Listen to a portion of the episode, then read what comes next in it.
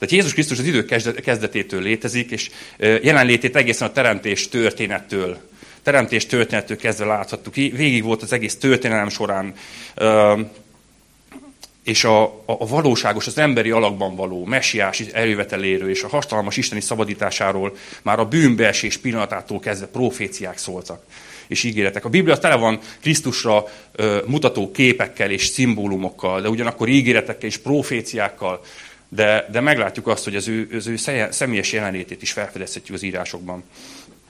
És az egyetlen célom ezzel az egész történettel és az egész tanítással nem az, hogy, hogy ilyen történelmi vagy ilyen mély teológiai dolgokba menjek bele, amit nem ért senki, hanem csak arra szeretnék rávilágítani, hogy, hogy sokszor az Ószövetséget azt így, így bekategorizáljuk, hogy igen, az egy, az egy nagyon régi, az a zsidóknak történelme Isten, és az nem is igazán, de nekünk szól, nekünk az Új Szövetség szól, abban van Jézus, de ne felejtsük el azt, hogy, hogy Isten az egy szent háromság, és, és a világ kezdetétől Szent Háromságként létezett. Jézus mind a kettőben jelen volt. Emlékeztek, hogy hogy mutatkozott be Mózesnek ott a csipkebokornál? Azt mondta, hogy én vagyok. Így definiálta magát, hogy én vagyok.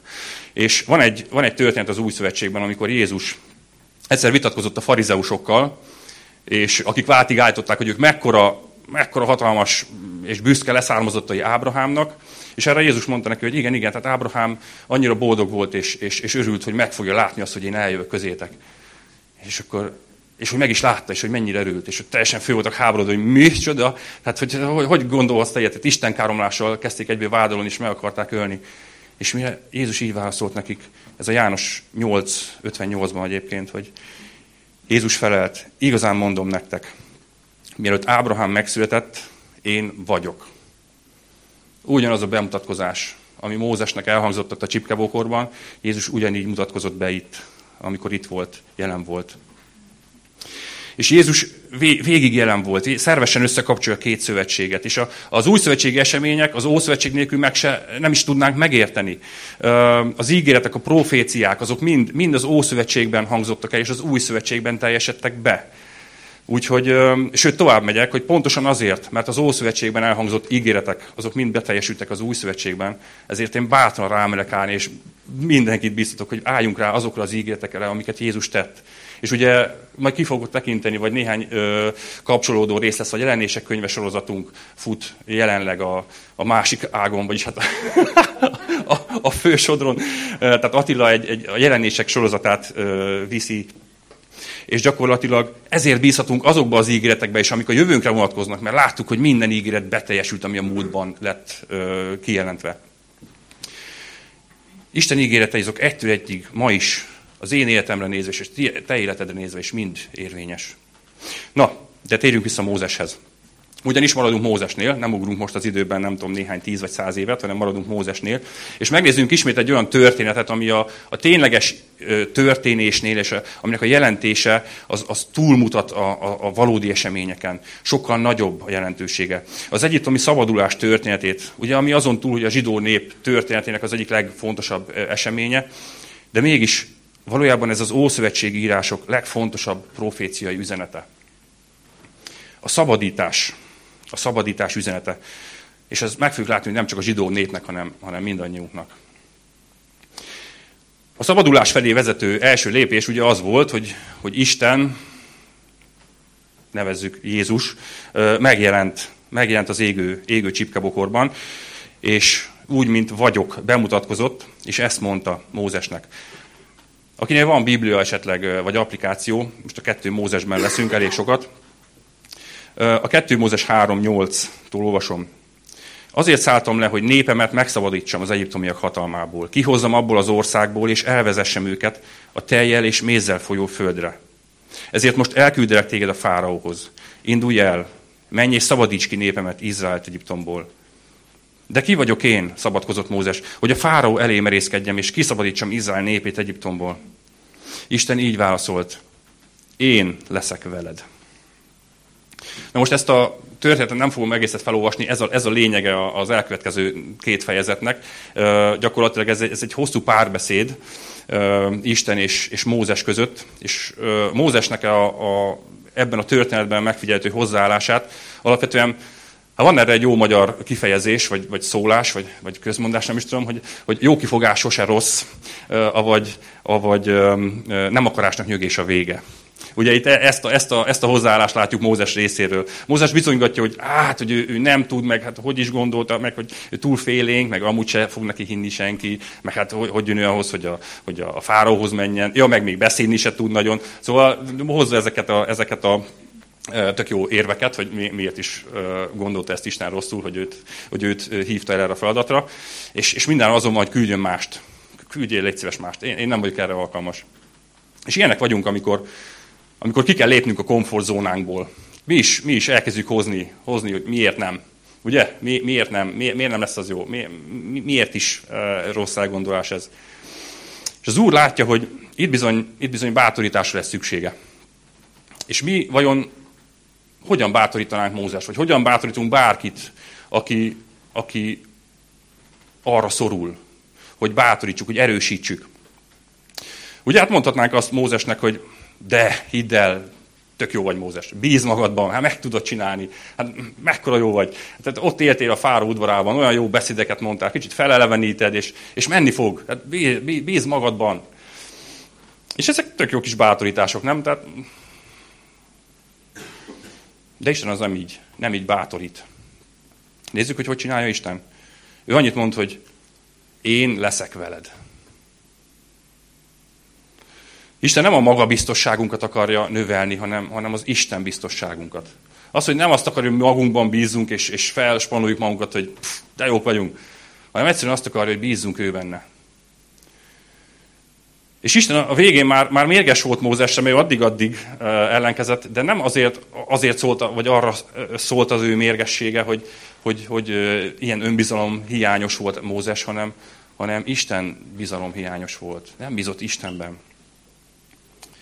És nézzünk, nézzünk szembe mi is a saját félelmeinkkel, hogy életünk melyik területein makacskodunk esetleg az Úr elhívása ellen. Van-e esetleg ilyen, hogy az Úr indít valamire, de mi, de mi elkezdünk makacskodni? Hozzuk ezt az Úr elé, és, és nem magabiztosságot kérjünk, hanem, hanem valódi, megingathatatlan, ő belé gyökerező Isten biztosságot. És nézzétek, Pál, Pál is ezt mondta a Filippi 4.13-ban, hogy megtanultam, hogyan nézek szembe bármikor, bármilyen helyzettel, mert mindenre van erőm Krisztus által, aki engem megerősít.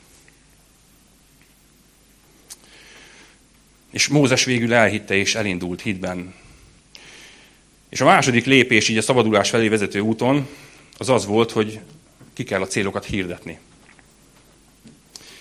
Isten elmondta ugye Mózesnek, hogy mi a szándéka, Mózes pedig elindult Egyiptomba, és végül csak kísírt magának egy kis segítséget, tehát az Áron, Áron azért csatlakozott hozzá, hogy na akkor, akkor mégis, tehát Isten azért kompromisszumokra hajlandó és hajlamos.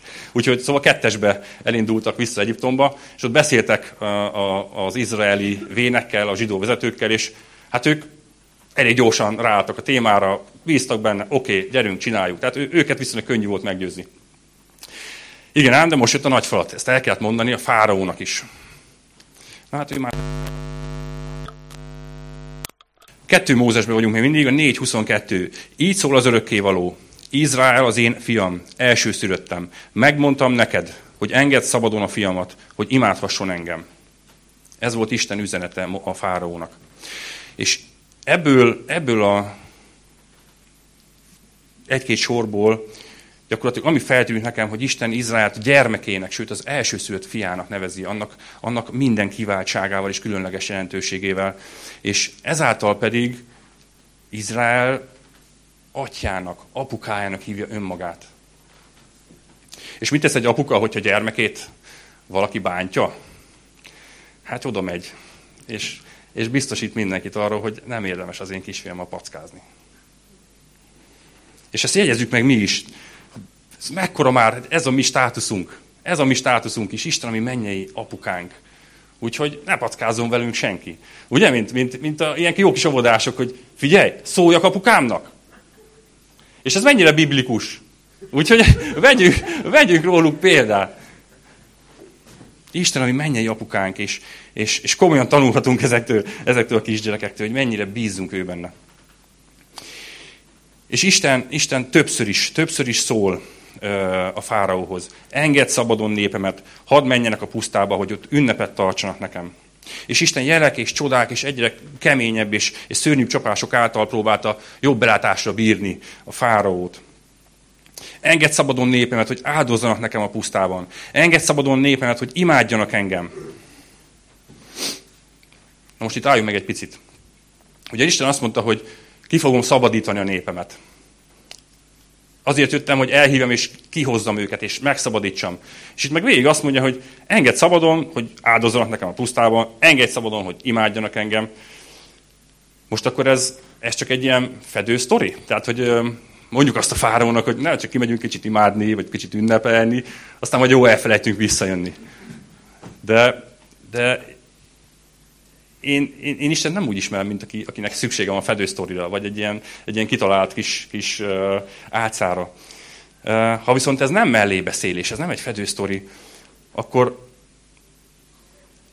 azt kell meglátnunk, hogy ami a, ami a szabadsághoz társul, az, az nem csak egy egyszeri ünnep, az nem csak egy egyszeri imádás, nem csak egy, nem csak egy egyszeri áldozás, hanem, hanem mostantól kezdve mindig. És ebből a nézőpontból nézve kezd egy kicsit más kép kirajzolódni a szabadságról. Az Isten szerinti szabadságról. Ugye emlékeztek, milyen kép ugrott be az elé? Tehát ott állunk, fúj a szél, kezünket széttárjuk, és, és sehol senki körülöttünk, a nagy nyitott mező, vagy, vagy az, az a bizonyos út, és száguldozunk egyedül. Na hát ezt felejtsük el. Az Isten szerinti szabadság az nem ilyen. Nem, nem én egyedül, hanem az Istennel, és az ő népével együtt, mint egy család.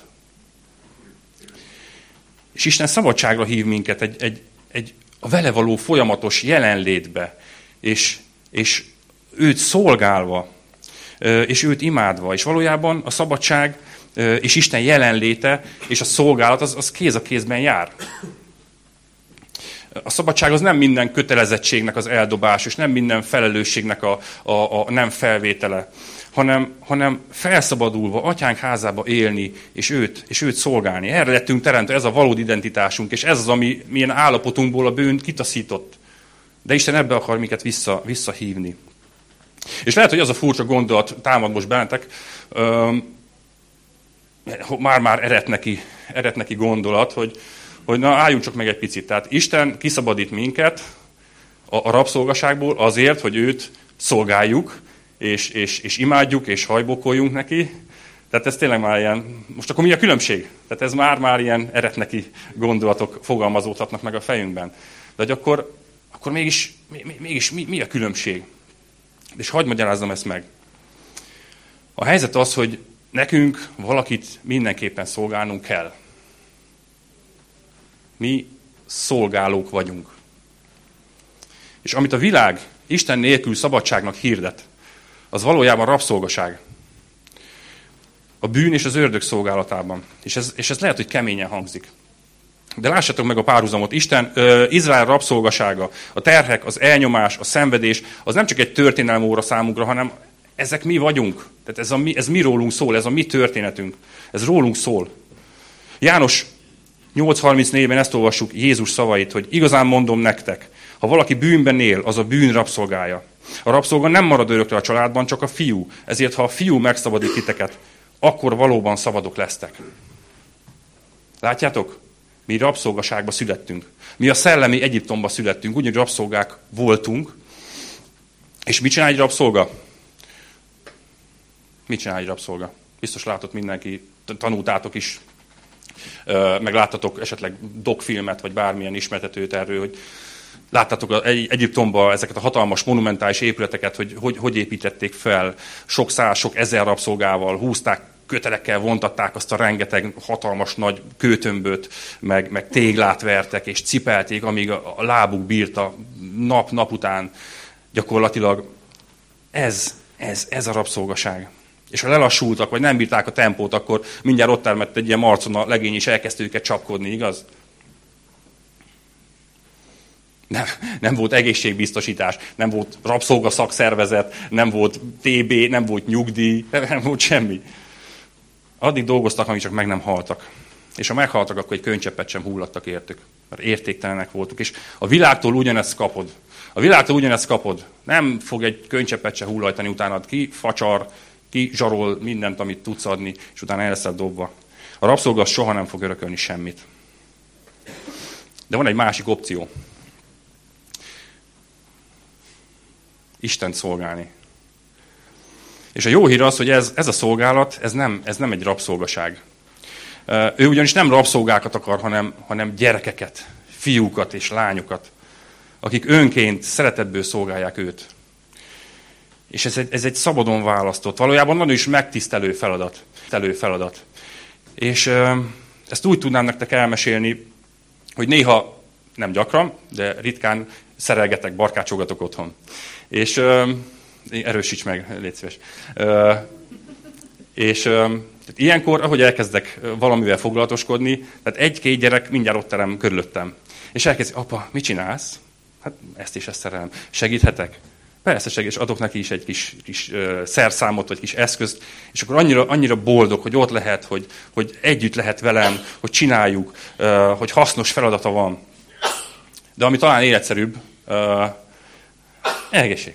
Tehát a, ami talán életszerűbb, hogy um, aki már volt nálunk, az tudja, hogy viszonylag szép kis, kis gyepünk van a kertben, szép fű. Uh, ez viszont azzal jár, hogy, hogy tehát azon túl, hogy műtrágyázni, gyomírtózni, stb. De folyamatosan fűnyírásról szól az egész dolog, tehát ezt öt naponta hivatalosan fűnyírozni kell. Ezt most kitoltam egy hétre, de, de tényleg ez a vége. Tehát egy hetente minimum le kell, le kell nyírni a füvet.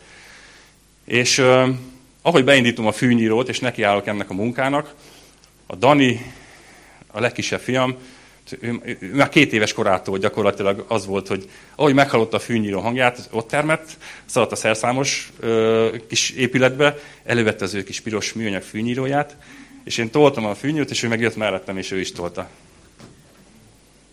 Én, ő, ő bekapcsolta az én fűnyíromat, én bekapcsoltam az övét. És jött, és boldogan csinálta. És amikor elkészültünk, így végignéztük a füvet, hogy ó, ezt a szép egyenletesre vágott zöld gyepet, és akkor azt mondja, ugye milyen szép apa? Igen. Ugye milyen ügyesek voltunk? Igen, ügyesek voltunk. Ilyen a mi apukánkat szolgálni, bevin, bevon minket a munkába. Hagyja, hogy ott toljuk mellette ezt a kis piros műanyag fűnyírónkat. És a végén vele együtt élvezzük a munka gyümölcsét. És ez olyan jó, hogy a részei lehetünk. És szerintem ez az igazi boldogság, ez az igazi szabadság. És ennek a szabadságnak azonban ára volt. Amikor elérkezett a megfelelő idő, az Úr, a vagyok, aki mutatkozott be az égő csipkabokorban, testet öltve eljött közénk, és, és bemutatta az árat, amit hajlandó értünk kifizetni, hogy megváltson minket ebből a rabszolgaságból. A Márk 10 ezt írja, hogy a Márk 10.45, az emberfia azért jött, hogy életét váltságdíjul adja, és ezáltal sokakat megmentsen. Isten, aki ezt mondta a fárónak, engedd el a népem, ő a saját vérével fizette ki a váltságdíjat a szabadságunkért.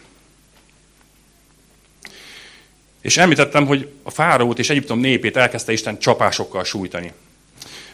Ugye, hogyha más nem is hallottál a Bibliáról, illetve nagyon, nagyon keveset tudsz a Bibliáról, egy dolog biztos ismerős, tehát ez a tíz csapás. Tehát ez annyira híres ez a történet, ez a tíz csapás.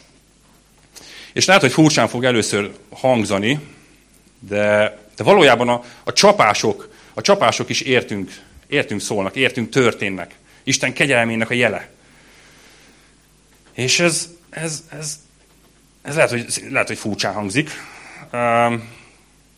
meg hogy csapás, meg Isten szeretete, hogy, hogy fél meg egy, egy, egy, egy sorba, egy mondatba. De valójában a csapások által Isten el akar minket érni. Én azt látom, hogy az emberiség ma, ma már oda jutott, hogy teljesen, teljesen felfúvalkodott a szívünk, teljesen, teljesen önzők, és, és magunk körül forgunk, és mindent természetesnek veszünk, mindenhez jogunk van. Mi vagyunk az életünknek az ura. Bizonyára gyakran hallottok ti is, meg látni tudósításokat a, a harmadik világból, esetleg valami természeti katasztrófa, vagy valami nagy csapás esetén. És, és mi az, ami, amivel első blikre szembesülünk? Melyik, mi az az érzelem, mi az az emberi érzelem, amit látunk ezeken az embereken? Azt, hogy sírnak és jajgatnak, és, és a szomorúság az elsődleges. És mi az, ami esetleg egy, egy modern, egy, egy gazdag, tehát a nyugati világban történő katasztrófa után látunk. Mi az az elsődleges emberi érzelem, amit a, amit a nyugati ember produkál, vagy, vagy amit kivált belőle? Az a megrökönyödés, a sok. Hogy ez hogy történhetett meg itt? Hogy történhetett meg ez pont velünk? Jogunk van az egészséges élethez, a biztonságos élethez, a jómódhoz, az anyagi biztonsághoz, a szociális biztonsághoz, meg mindenfajta biztonsághoz jogunk van. És ha sérül valamelyik jogunk, akkor teljesen felháborodunk és lázadunk. Hogy történhet ez meg itt? Ez velünk. És a csapások, azok Isten nagyságát mutatják, minket pedig alázatra nevelnek. Kérdezed azt, hogy milyen Isten az, aki csapásokkal sújt valakit, akit szeret. Hát olyan Isten, aki mindent megtesz, hogy végre észrevegye őt, és meglásd őt. Említettem, hogy lesznek ilyen kis összekapcsolások a jelenések könyve sorozattal, és annyira furcsa, hogy a Biblia legelejéről, az Ószövetség legelejéről és az Új Szövetség legvégéről két, két ellentétes pólusa a Biblián, de annyira egybevág. A jelenések 3.19, ez a pont legutóbbi tanításban elhangzott az, az ige. Akit én szeretek, azt helyre igazítom, megfegyelmezem, sőt megfenyítem. Ezért teljes erővel igyekezz, változtasd meg szívedet és az életedet. A legtöbb ember, amíg, amíg nem esik hanyat, addig nem néz fel. Isten pedig azt akarja, hogy nézzünk fel. Hogyha olyan áron, hogy hanyat esünk, akkor, akkor hanyat fogunk esni. A csapások azok Istennek az ébresztője, a figyelemfelhívása. És nézd, jelt adok neked, amelyből megértheted, hogy én vagyok az örökkévaló. És akkor elindulnak. Elindulnak a jelek és a csapások. Ugye első jelként Mózes botja, az kígyóval változott. De ezek, ezek a jelek nem, nem értek célba, tehát nem, nem ö, hatotta meg igazán az egyiptomi fáraót. És utána pedig ténylegesen elindultak a csapások. Az első csapás volt, hogy a Nílus és minden víz Egyiptomban vérré változott. A második csapás, hogy békák özönlötték el Egyiptomot. Hemzsegtek mindenütt ezek a nyálkás, guztustalan kis jószágok, akik esetleg szeretik a békát, azok, azoktól elnézést kérek, de amúgy, amúgy nem egy, nem egy guszta kis jószág. És az az érdekes, hogy eddig ezeket a, ezeket a csapásokat és ezeket a csodákat meg tudták tenni a, a, fáraó szolgáltában álló varázslók is. És, és a fáraó továbbra se hatódott meg, hogy jó, hát ezt ők is megtudják, akkor ez nem akkor nagy cucc. A harmadik csapás, a szúnyogok. Ki az, aki szereti éjszaka lefekvéskor, ha egy szúnyog bejön. Na gondoljátok el, hogy egy millió. És ebben, ebben lenni, mikor egy egész országot elöntenek a szúnyogok. A negyedik csapás a bögyök. Na hát az még egy szép kis állat. Esetleg strandon csípett már meg valakit bögöly. Az ötödik csapás a háziátok pusztulása, a dögvész. A hatodik csapás a fekélyek. Fekélyek kínoztak mindenkit. A hetedik csapás az a pusztító jégeső volt. Mindent elvert, és mindenkit megölt, aki kín volt a szabad ég alatt. A, kilencedik, a nyolcadik csapásnál, bocsánat, a nyolcadik csapás viszont a sáska járás. Tehát amit nem vert el a jég, azt jöttek a sáskák, és letaroltak mindent. Tehát egyszerűen élhetetlen lett már egy az Egyiptom. És a kilencedik csapásként pedig Isten sötétséget bocsátott egész Egyiptomra. De olyan masszív és, és söt, tömör sötétséget, hogy szinte tapintható volt ez a sötétség. Az emberek féltek és rettegtek. És közeledünk, közeledünk a tizedik, a végső csapáshoz. És már az egyiptomi fárónak a varázslói mondták, hogy Uram, nézd meg, ez, ezt már nem tudjuk megcsinálni, ez, ez, ez, ez egy isteni hatalom, ez Istennek az újja. Miért nem veszed észre? És minden egyes csapásnál jött még a kérdés, hogy meddig húzott, halasztod még, hogy meghajolj előttem. És ez ma is szól neked, aki még, ne, aki még esetleg ellenállsz a szeretetének. Meddig húzott, halasztod még? Ugyanezt, ugyanezt a vágyát látjuk Istennek ö, Ámósz könyvében. Nem tudom, most valaki már Ámósz könyvét? A negyedik fejezetben. Ugye egy ezer évvel később járunk már Izrael történetében, és ugyanilyen csapások érik Izraelt. És a, ugyanez a vízhangzó, fájdalmas kiáltás hangzik el minden egyes csapás után, hogy de mégsem fordultatok vissza hozzám. Néhányat felolvasok belőle, tényleg a, csak egy párat kiragadva. Ezért éhínséget küldtem rátok minden városba, hogy még kenyér sem maradt házaitokban, de mégsem fordultatok vissza hozzám. Ezt mondja az örökkévaló. Kertjeitek és szőlőtek termését betegségekkel pusztítottam el. Füge és olajfájtokat lerágták a sáskát, mégsem fordultatok vissza hozzám. Betegségekkel veltelek meg titeket, járványokkal, mint egykor Egyiptom lakóit. Mégsem fordultatok vissza hozzám. Ez szerető édesapa fájdalmas kiáltása ez. Isten azt szeretné, ha a csapások hatására végre magunkhoz térnénk, és, és észrevennénk őt. És a, Biblia legvégén, a jelenések könyvében szintén elhangzanak, és megtörténnek ilyen csapások, amik az e- egész földet sújtják. És az Egyiptomot ért csapások, az szerintem ezeknek a, ezeknek a végső csapásoknak az előképe. De minden egyes csapásban kirajzolódik Isten kegyelme, mert minden egyes csapás után ott van a lehetőség a megtérésre, ott van a lehetőség az alázatra, és hogy hozzáforduljunk, és bűnbánatot tartsunk. A csapások és katasztrófák azok Isten kegyelmének a jele. Az életünkben is. És alázatra indít. És egy ausztrál pásztor, Scrivenelt hagy idézzek nektek, aki annyira szépen megfogalmazza, hogy az alázatra indító csapások egészen addig fokozódnak, míg végül csak egyetlen menedék marad. A bárány vére. Mintha Isten oda akarna, oda akarna beterelgetni minket csapásokkal, és, és mindenféle eszközzel és módszerrel oda akarna, mint egy, mint egy tyúkanyó a csibéit beterelgetni a kereszthez.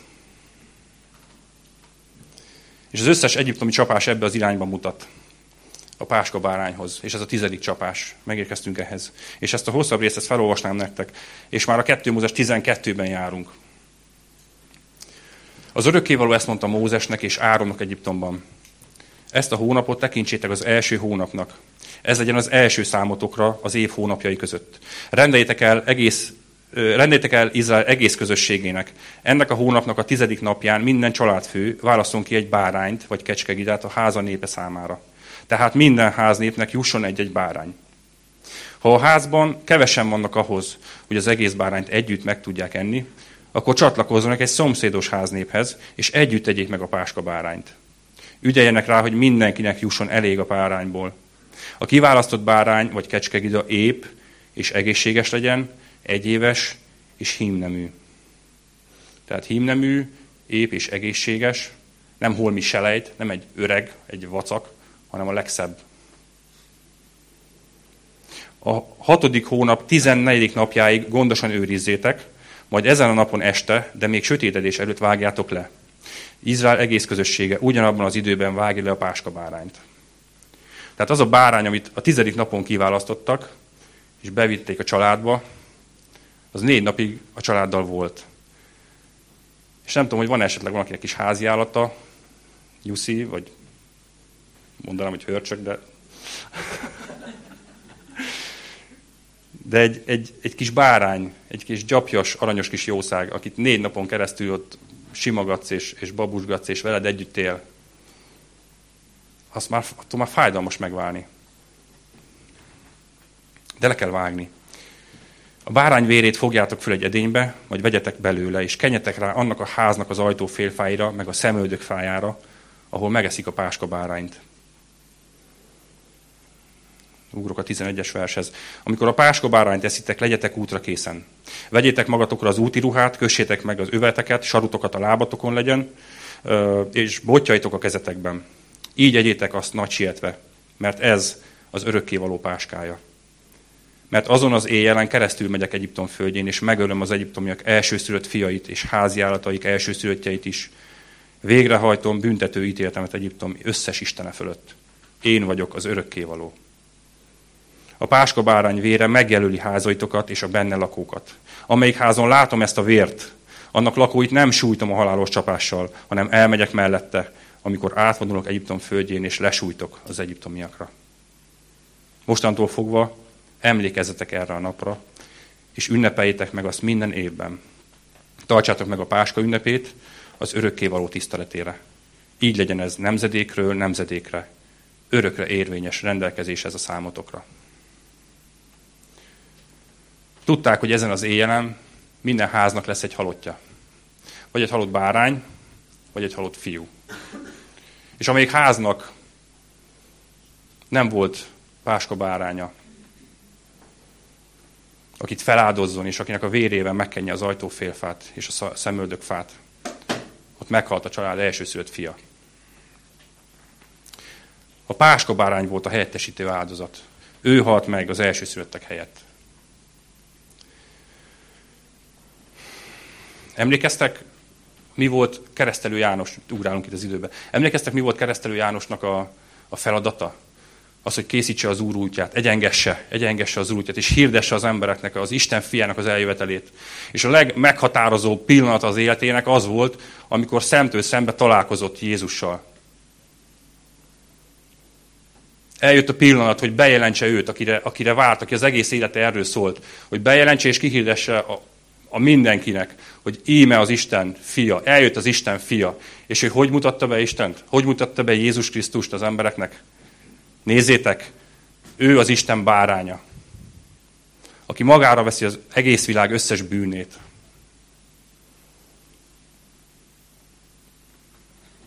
Ez volt a legesleg fontosabb és legkifejezőbb megfogalmazás és definíció Jézus Krisztusra, az Isten báránya. Krisztus a mi bárányunk. Pál is a korintusi levélben Krisztust a mi páska bárányunknak hívja. Ezt egyébként annyira jó szemlélteti, van Budapesten, a Rádai utcában egy Biblia múzeum. Nem tudom, hallott esetleg róla valaki? Senki. Mindenkinek ajánlom, hogy igen. Ajánlom, hogy, hogy egyszer menjen el, mert, mert nagyon áldott egy hely. És ezúton köszönöm a Búzelaci barátomnak, hogy felhívta erre a figyelmet, és, és ajánlott ezt a helyet, és elmentünk múlt héten ebbe a, ebbe a múzeumba. És ezt úgy képzeljétek el, ezt a, ezt a, ez egy kicsi kis pince helységben lévő, lévő múzeum, de nagyon, nagyon áldott és nagyon szépen meg van csinálva.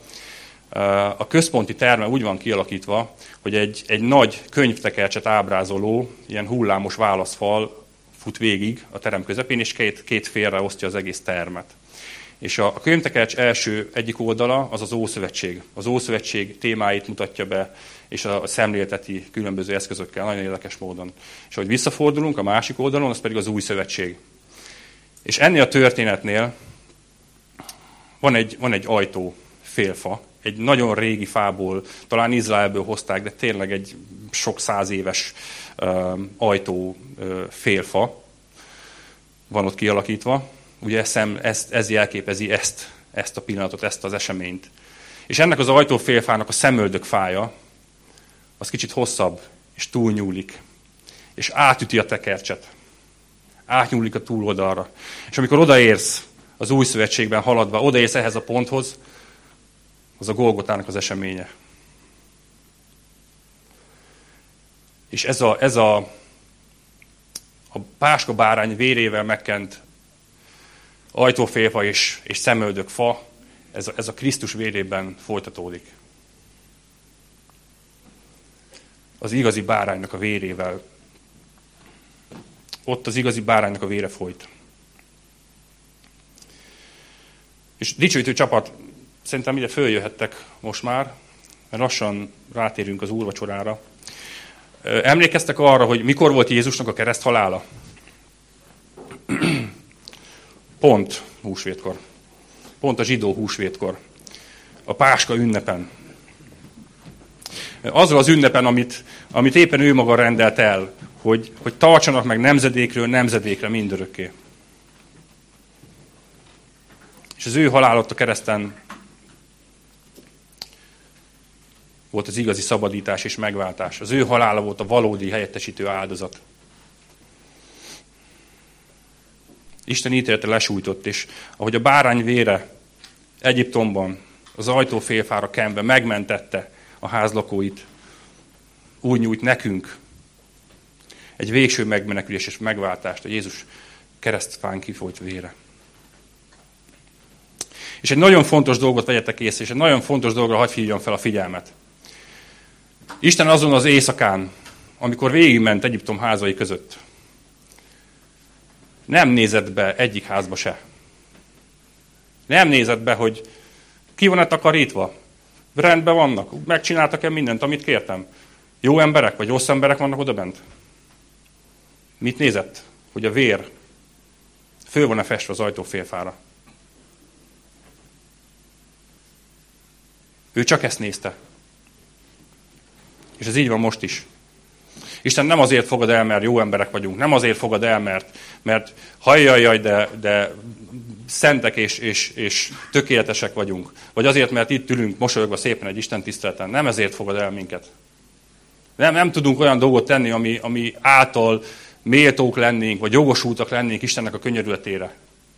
Ő egyetlen egy dolgot néz, hogy rajtad van-e a báránynak a vére. Mert ha igen, az ő szent fiának a drága vére rajtad van, meg vagy előve, akkor te így tökéletes vagy. És el vagy fogadva. Nem, nem önmagadért, hanem azért, mert Jézusnak a vére ott van rajtad.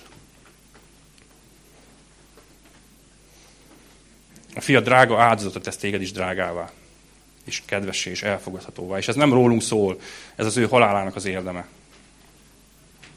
És hogy most hamarosan körbeadjuk a, a pászkát és a, a bort, vagyis hát a szőlőlét, szerintem Andiál is indíthatjátok. Hogy olvassam fel még egyszer ezt a 14. verset a Mózes 12-ből. Mostantól fogva emlékezzetek erre a napra, és ünnepeljétek meg azt minden évben. Tartsátok meg a Páska ünnepét az örökkévaló tiszteletére. Így legyen ez nemzedékről nemzedékre. Örökre érvényes rendelkezés ez a számotokra. És Jézus betartotta ezt az örökérvényű rendelkezést. Sőt, betöltötte a bárány, az igazi páska báránynak, a valódi páska báránynak a szerepét. És amit észreveszünk, hogy Jézus azon az utolsó vacsorán, ami elvileg a páska ünnep, a páska báránynak a, az ünnepe, ők nem készítették el a bárányt. Ők kenyeretettek és bort ittak. Azért, mert Jézus tudta, hogy ő az igazi páska bárány. De ezt az örök érvényű rendelkezést, tehát így fogalmazott, hogy örök érvényű rendelkezést, tehát ez nem, ez nem szűnt meg. Viszont azt mondta, hogy mostantól ez a kenyér az én, az én testem, és a bor az én vérem. Ezt egyétek, és ezt így álltok, és rám emlékezzetek, az Istennek a szabadítására emlékezzetek. Azt parancsolta, hogy valahányszor esszük a kenyeret, és isszük ezt a bort, az ő halálát, az ő áldozatát, az ő szabadítását hirdessük. És most tegyük ezt. Vegyük a kenyeret, és vegyük a bort, és adjunk hálát, ami megváltónknak azért, hogy, hogy megszabadított, hogy valóban, valóban megszabadított. Amen. Drága édesatyám, Úr Jézus Krisztus, köszönöm neked ezt, hogy megérteted velünk az Ószövetségben leírt eseményeknek a valódi, valódi jelentését. Az, hogy micsoda, micsoda szeretet munkálkodik benned. Köszönöm azt, hogy az életedet adtad értünk, és köszönöm azt, hogy te haltál meg helyettünk. Köszönöm azt, hogy a te véred befed minket, és, és ezáltal lehetünk mi kedvesek az Atya előtt. Uram, azért imádkozok, hogy aki, aki még nem hitte ezt el, nem fogadta ezt sajátjának, nem tért meg te hozzád, nem alázta meg magát. Uram, te annyi módon próbálsz elérni minket,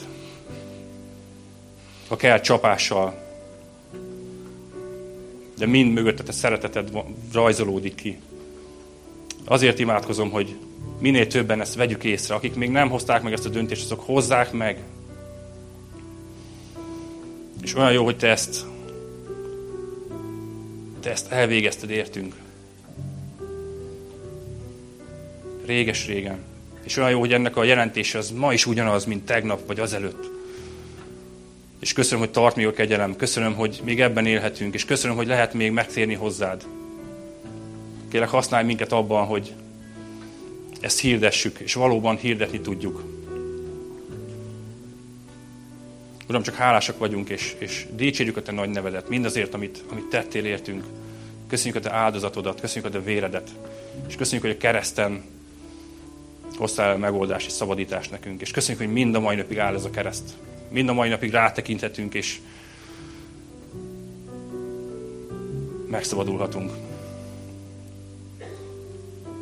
Úr Jézus, légy áldott. Amen.